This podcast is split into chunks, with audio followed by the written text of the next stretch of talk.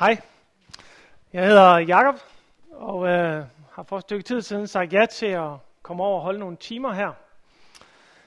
Sådan øh, helt øh, privat til daglig, så sidder min familie hernede, gift med Anne-Marie og har tre børn, og de er med her. Og øh, i det ikke private, så arbejder jeg på Hedemølle Efterskole. Jeg er blevet viceforstander for en tre år siden, men har været der en 11-12 år i alt. Og øh, der er sådan lidt, der er lidt flere grunde til, at, at jeg står her i dag. Det ene er, at jeg er blevet spurgt om at komme og tale Guds ord, og det, det vil jeg gerne. Jeg har også, øh, hvis nogen af jer tænker, I lige vil høre lidt om, øh, hvordan det går på Hedemølle, øh, eller har nogle spørgsmål, eller jeg har taget noget Hedemølle nyt med, og sådan lidt forskellige. Og så vil jeg også sige, så har jeg en hel øh, parade af ambassadører med. Øh, det er ikke min fortjeneste, de er her, men de er her. Så det, det er dejligt. Øh, så dem må I også øh, spørge lidt til. De fleste af dem smiler, når de tænker på Hedemølle, så jeg håber at de har noget godt at sige. Så prøv det. Lige for lidt siden, så, så blev teksten jo faktisk gennemgået. Den tekst, som vi skal være sammen om i aften. Det er nemlig øh, om den lamme mand, øh, hvor der er fire mænd, der kommer med en lamme mand. Og det giver mig egentlig faktisk lidt frimodighed, at øh, det bliver afholdt, fordi så tænker jeg, om ikke andet, så håber I i hvert fald har fået noget med derfra. Så derfor så prøver jeg at sige det, jeg har forberedt, og så håber jeg, at, at det bliver godt. Tanken det er, at øh, temaet hedder hjerte, mund og hænder. Og det har jeg simpelthen brugt som øh, analyseredskab øh, til den første tekst her. Så for dem af jer, der har brug for at følge lidt med i, hvor langt jeg er i min øh, tale, så kan jeg afsløre, at øh, kronologisk rækkefølge, først så kommer der noget om hjertet, så kommer der noget om munden, så kommer der noget om hænderne. Så giver I sådan nogenlunde følge med i, øh, hvor langt jeg er. Jeg har en bøn øh, til det her møde, og det er, at, at vi må kunne sige i hele vores liv, både med hjerte, mund og hænder, at vi aldrig har set noget lignende. Og det henviser jeg ikke så lige til min tale. Jeg henviser til, at Jesus han må blive stor for os. For det er nemlig den sidste sætning, der er i den tekst, øh, jeg har fået givet. Det er, aldrig har vi set noget lignende. Må det blive stort for os i hele mennesket. Det er, det er min store bøn og drøm for i aften. Men vi skal starte med at bede sammen. Tak, kære Jesus. Tak, at der er bibelcamping. Tak, at vi har mulighed for at mødes. Mødes omkring Bibelen. Mødes omkring dig. Tak, Jesus, for den frihed, du har givet os. Og tak, Herre, at vi må bruge det og benytte os af det. Herre, jeg beder om, at du må sende din hellige ånd ind over os. Både over hele ugen, ind over mødet, og også ind over mig. Jeg beder dig om, Herre, at jeg må står her med fuld frimodighed, velvidende, at kommer der ord fra mig, som ikke er sande, der beder jeg dig om, at du må lukke folks ører og hjerter. Og herre, kommer der ord fra dig, som man har brug for at høre, så beder jeg dig om, med din ånd, Herre, at det må sætte sig fast, og at det må virke og arbejde. Herre, må det være frimodigheden til at tale, udlægge dit ord. Herre, må du blive stor, og må vi blive mindre. Tak, Jesus, at du har lov at være med os alle dage, også i dag. I Jesu navn. Amen. I Markus 2, 1-12, der er der den her beretning om helbredelsen af den lamme i Kapernaum. Og øh, den vil jeg gerne starte med at læse. Markus 2, 1-12. Da Jesus efter nogle dages forløb igen kom til Kapernaum, rygtes det, at han var hjemme. Og der samlede sig så mange mennesker, at der ikke engang var plads uden for døren. Og han talte ord til dem. Så kom der nogle hen til dem med en lam, der blev båret af fire mand. Men da de ikke kunne komme hen til Jesus for de mange mennesker, fjernede de taget over det sted, hvor han var, og da de havde lavet hul, sænkede de borgen med den lamme ned. Da Jesus så deres tro, siger han til den lamme, Søn, dine sønder tilgives dig. Men der sad også nogle af de skriftkloge, og de tænkte i deres hjerte, hvad er det dog, han siger? Han spotter Gud. Hvem kan tilgive sønder andre end en, nemlig Gud?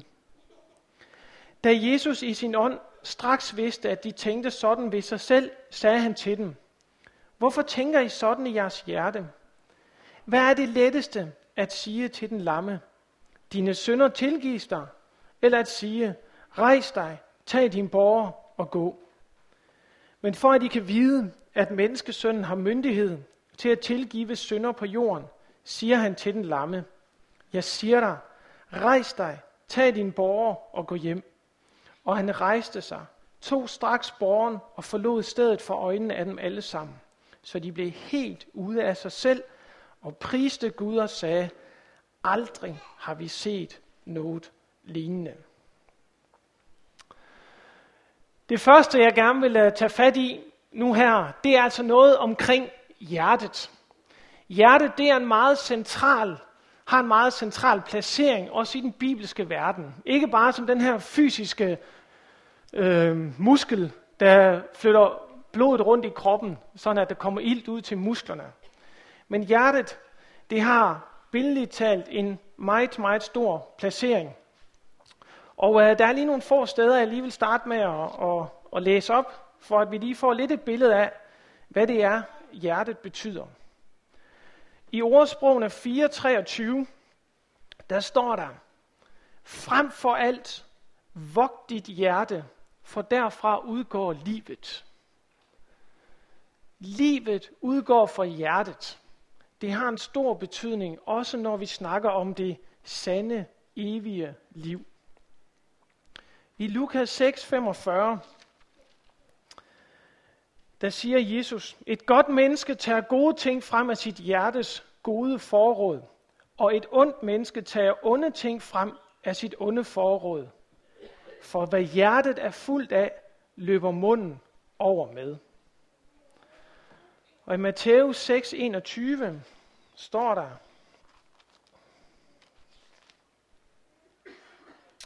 For hvor din skat er, der vil også dit hjerte være.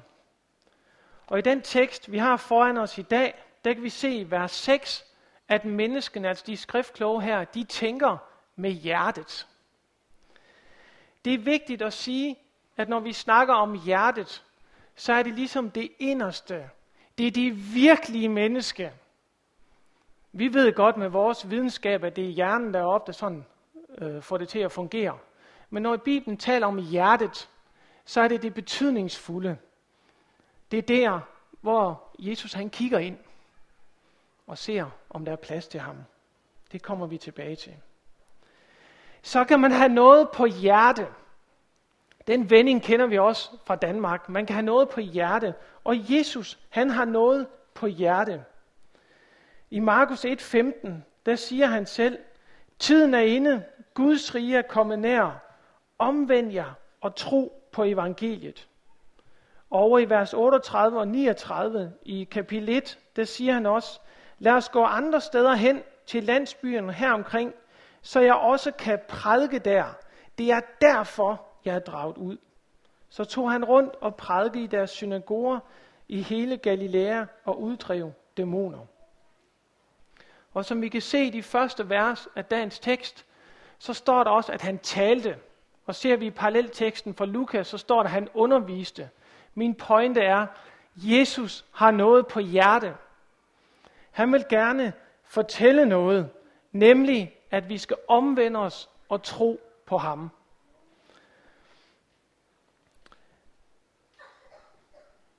Rygtet om Jesus, det har spredt sig. Jesus han gør nogle helt utrolig store under omkring Kapernaum. Og i kapitel 1 igen, fra vers 29 til vers 34, der kan vi se, at han helbreder en, der har feber. Han uddriver dæmoner, og der står, at hele byen de var stemmet sammen, og de kom med en masse syge, der led af alle mulige forskellige sygdomme, og han helbredte dem. Jesus gør store under. Og nu er det blevet rygtes, at han er kommet hjem igen, altså tilbage til Kapernaum. Og det er der nogle mænd, der har hørt. Der er fire mænd, eller der er i hvert fald mindst fire mænd, for der står der fire mænd, der bærer ham, som har hørt, at Jesus er kommet tilbage, og de har noget på hjerte. De har en ven, der er lam. Vi ved ikke, hvorfor han var lam. Vi ved ikke, om det var en ulykke, eller om han var født sådan, eller hvad det er. Pointen er, de har en hjertesag. Vi har en ven her, der har nød. Han skal hen til Jesus i fuld forventning om, at han kan helbrede dem. Så sker der det her forunderlige, via nogle omveje, det kommer ind på lidt senere, når vi når ned omkring hænderne, at den lamme kommer ned foran Jesus. Og Jesus han ser ham. Og så er det så forunderligt, at Jesus, han ser ikke det samme, som vi ser. Jo, han ser jo, at manden er lam. Og Jesus, han ved jo nok godt, hvorfor, at manden han kommer hen til ham. Han har jo lige gjort en masse under. Men Jesus, han ser på hjertet. Det står i 1. Samuel 16, vers 7, i forbindelse med, at David skulle udvælges som konge, at Herren ser på hjertet. Ser ikke som mennesker gør, men ser på hjertet. Og hvad er det, Jesus ser ved den lamme? Jo, han ser hans tro. Tro på, at Jesus kan hjælpe ham. En tro på, at han kan gøre en forskel. Umiddelbart så tænker vi, at det må være en tro på, at han kan helbrede ham. Og det tror jeg også, det er. Men Jesus ser åbenbart også noget andet, både ved de fire mænd og ved den lamme. Han ser deres tro. Tro på ham.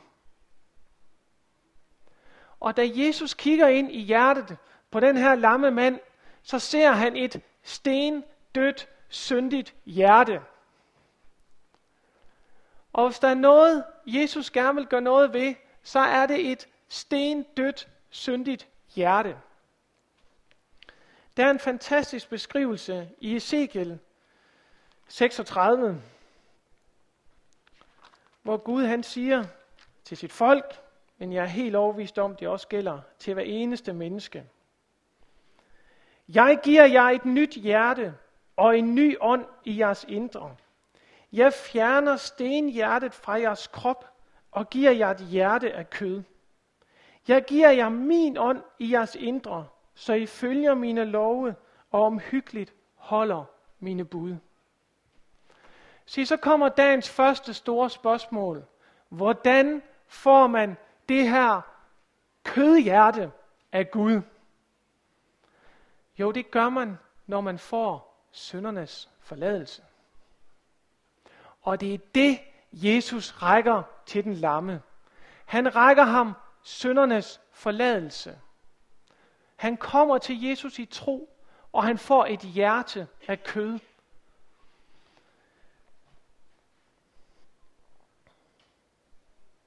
Når Jesus han siger, søn, dine sønder tilgives dig, så er det ord, der kommer fra en mund, fra en person, der er Gud selv.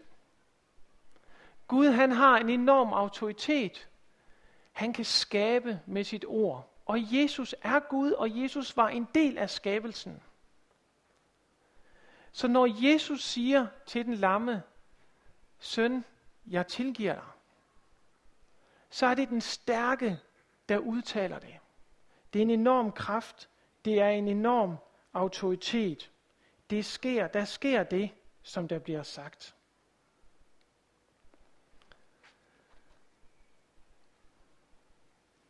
I salme 119,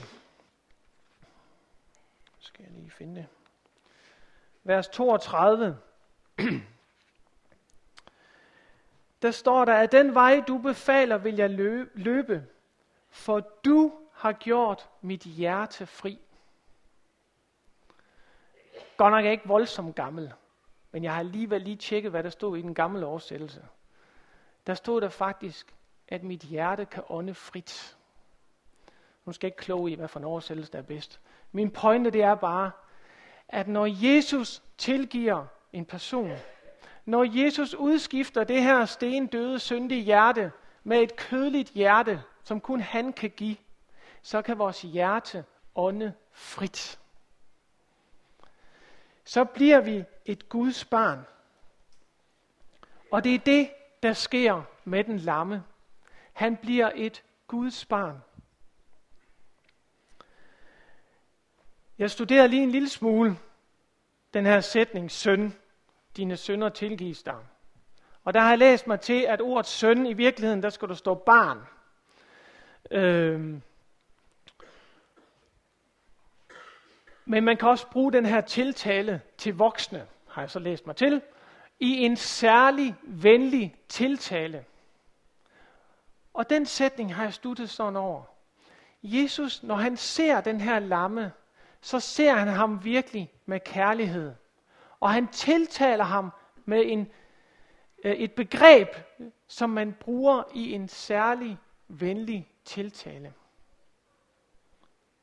Barn, jeg tilgiver dig mine sønder. Han taler ikke ned til ham, men det er positivt ment. Og det er netop det, der sker, når vi møder Jesus. Når Jesus får lov til at komme ind i vores hjerte og bo, så bliver vi hans barn. Så får vi den rette position i forhold til Gud. Jesus, han nøjes ikke med at tilgive hans synder. Det var måske en dårlig formulering, for nøjes, det kan vel ikke blive større. Men Jesus har også omsorg for hans fysiske ved og vel. Og han helbreder ham.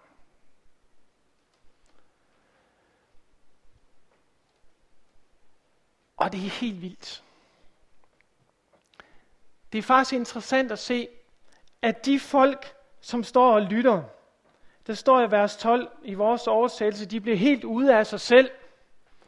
På grundteksten bruges deres ord, hvor man udleder ordet ekstase. De er gået helt amok. Endnu mere end de gjorde i Kroatien i går aftes, dengang de scorede til 2-1 inden i en forlænget spilletid. De er, gået, de er virkelig jublet. De er gået i ekstase. Jeg forstår det som en situation, hvor man faktisk ikke helt kan styre sine, øh, sine udråb, sine bevægelser, sine følelser. De er gået i ekstase. Hvorfor? Fordi Gud lige har gjort et under. Jesus har helbredt en mand. Og for virkelig at sætte trumf på, at han virkelig er helbredt, så får han den opgave, han også selv skal bære sin, sin borger eller sin seng, eller hvad det er, og gå derfra. Han er ikke bare sådan langsom ved at komme til kræfter. Og hen over en længere periode, som vi heldigvis oplever mange gange, at når vi beder for nogen, så går der et stykke tid, så får de det bedre. Her, det skete åbenbart sådan her. Han var lam, kunne ikke gå, Jesus helbreder ham. Han rejser sig op, er fysisk stærk nok til at tage sin borger og kan gå hjem. Det er et kæmpe under. Der er en grund til, at folk de reagerer, som de gjorde. Og så står det, at de priser Gud. Og aldrig har vi set noget lignende. Det er også vildt. Jesus har lige afsløret, at han er Gud selv. Han har lige helbredt en mand, og han har lige tilgivet synderne for en person. Det bliver ikke større. Men hvad sker der? Vi mennesker, vi er forunderlige. For straks efter han har tilgivet ham de her sønder, så sidder der nogle skriftkloge, og i deres hjerte, så tænker de, han er en Guds bespotter. Og på den ene side, så er de ret, forstår mig ret. Når de nu ikke kan se, hvem han er, så er han en Guds bespotter. For i 3. Mosebog 24, vers 16, der står der, at enhver, der bespotter Gud, han skal stenes. Og lige pludselig gør Jesus sig til Gud selv.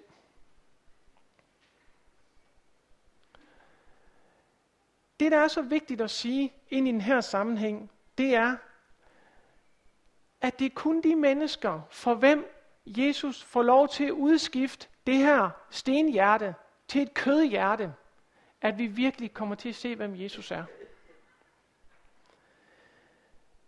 De skriftkloge, i hvert fald ikke dem alle sammen ifølge Bibelen, der, der er nogen, de, de, de, de giver sig ikke. De kommer ikke til at erkende det her. Og hvordan gik det så folk i Kapernaum? Øh, I min forberedelse til det her møde, så stødte jeg på en, en henvisning, jeg, jeg aldrig havde tænkt over før.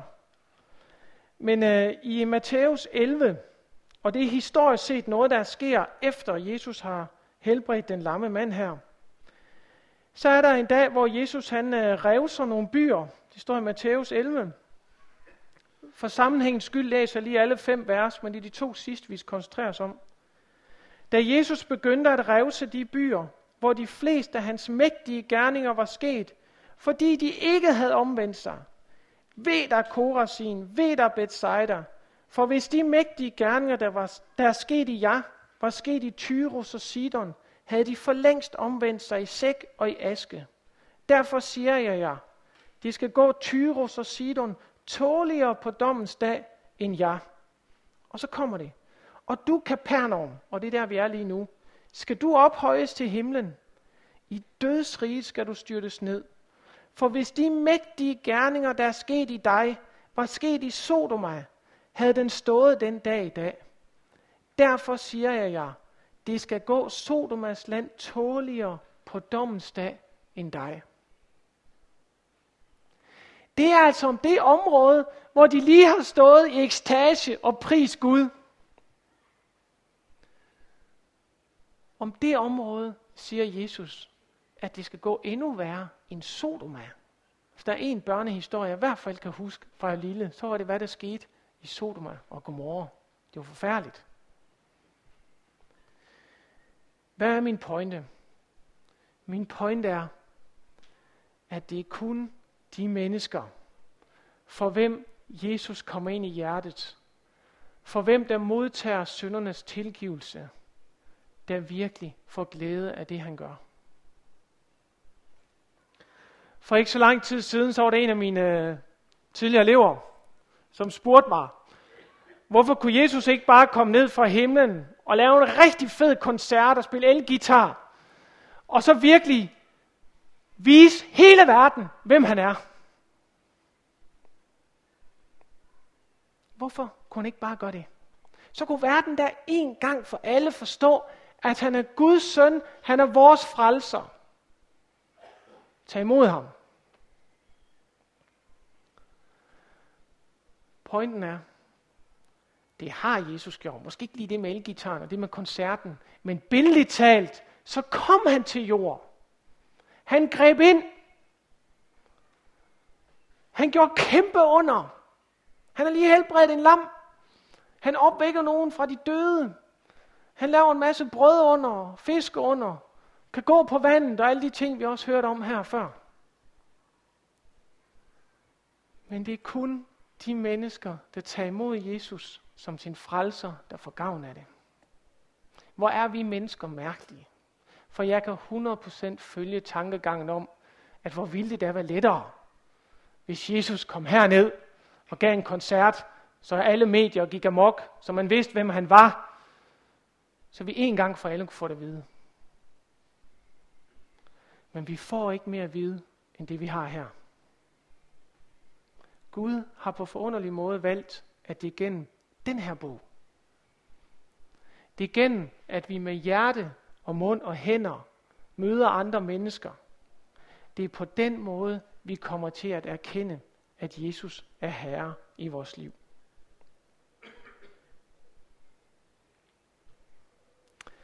Men når så Jesus kommer ind i vores hjerte, kommer ind og bor, så får vi også en levende tro så får vi en ny hjertesag. Og de fire mænd her, de havde en hjertesag for deres ven, den lamme. En nød i hjertet. Og de gik ikke sådan lige op, fordi de mødte modstand. Så kommer de endelig hen til huset, og så kan de jo ikke komme ind, fordi der er så mange mennesker. Men når man har en hjertesag, så giver man ikke bare op.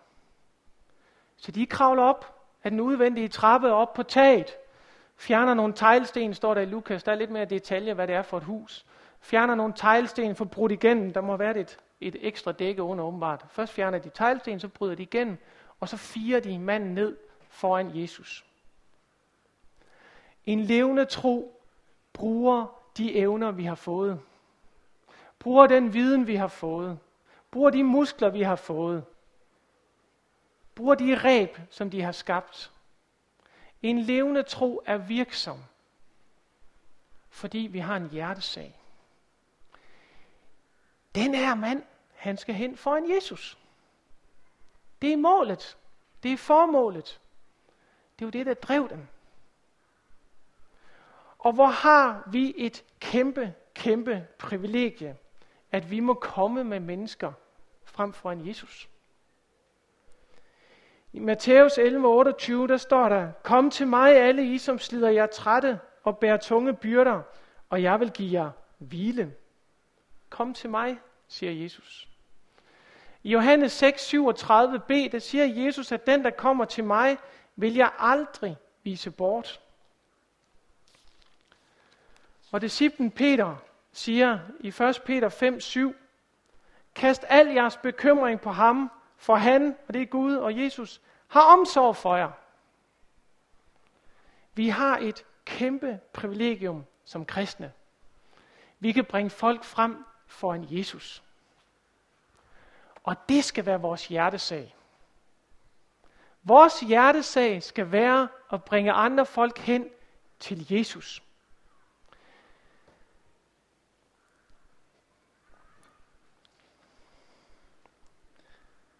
Et af mine yndlingssteder, det står i Hebræerne 4, vers 16.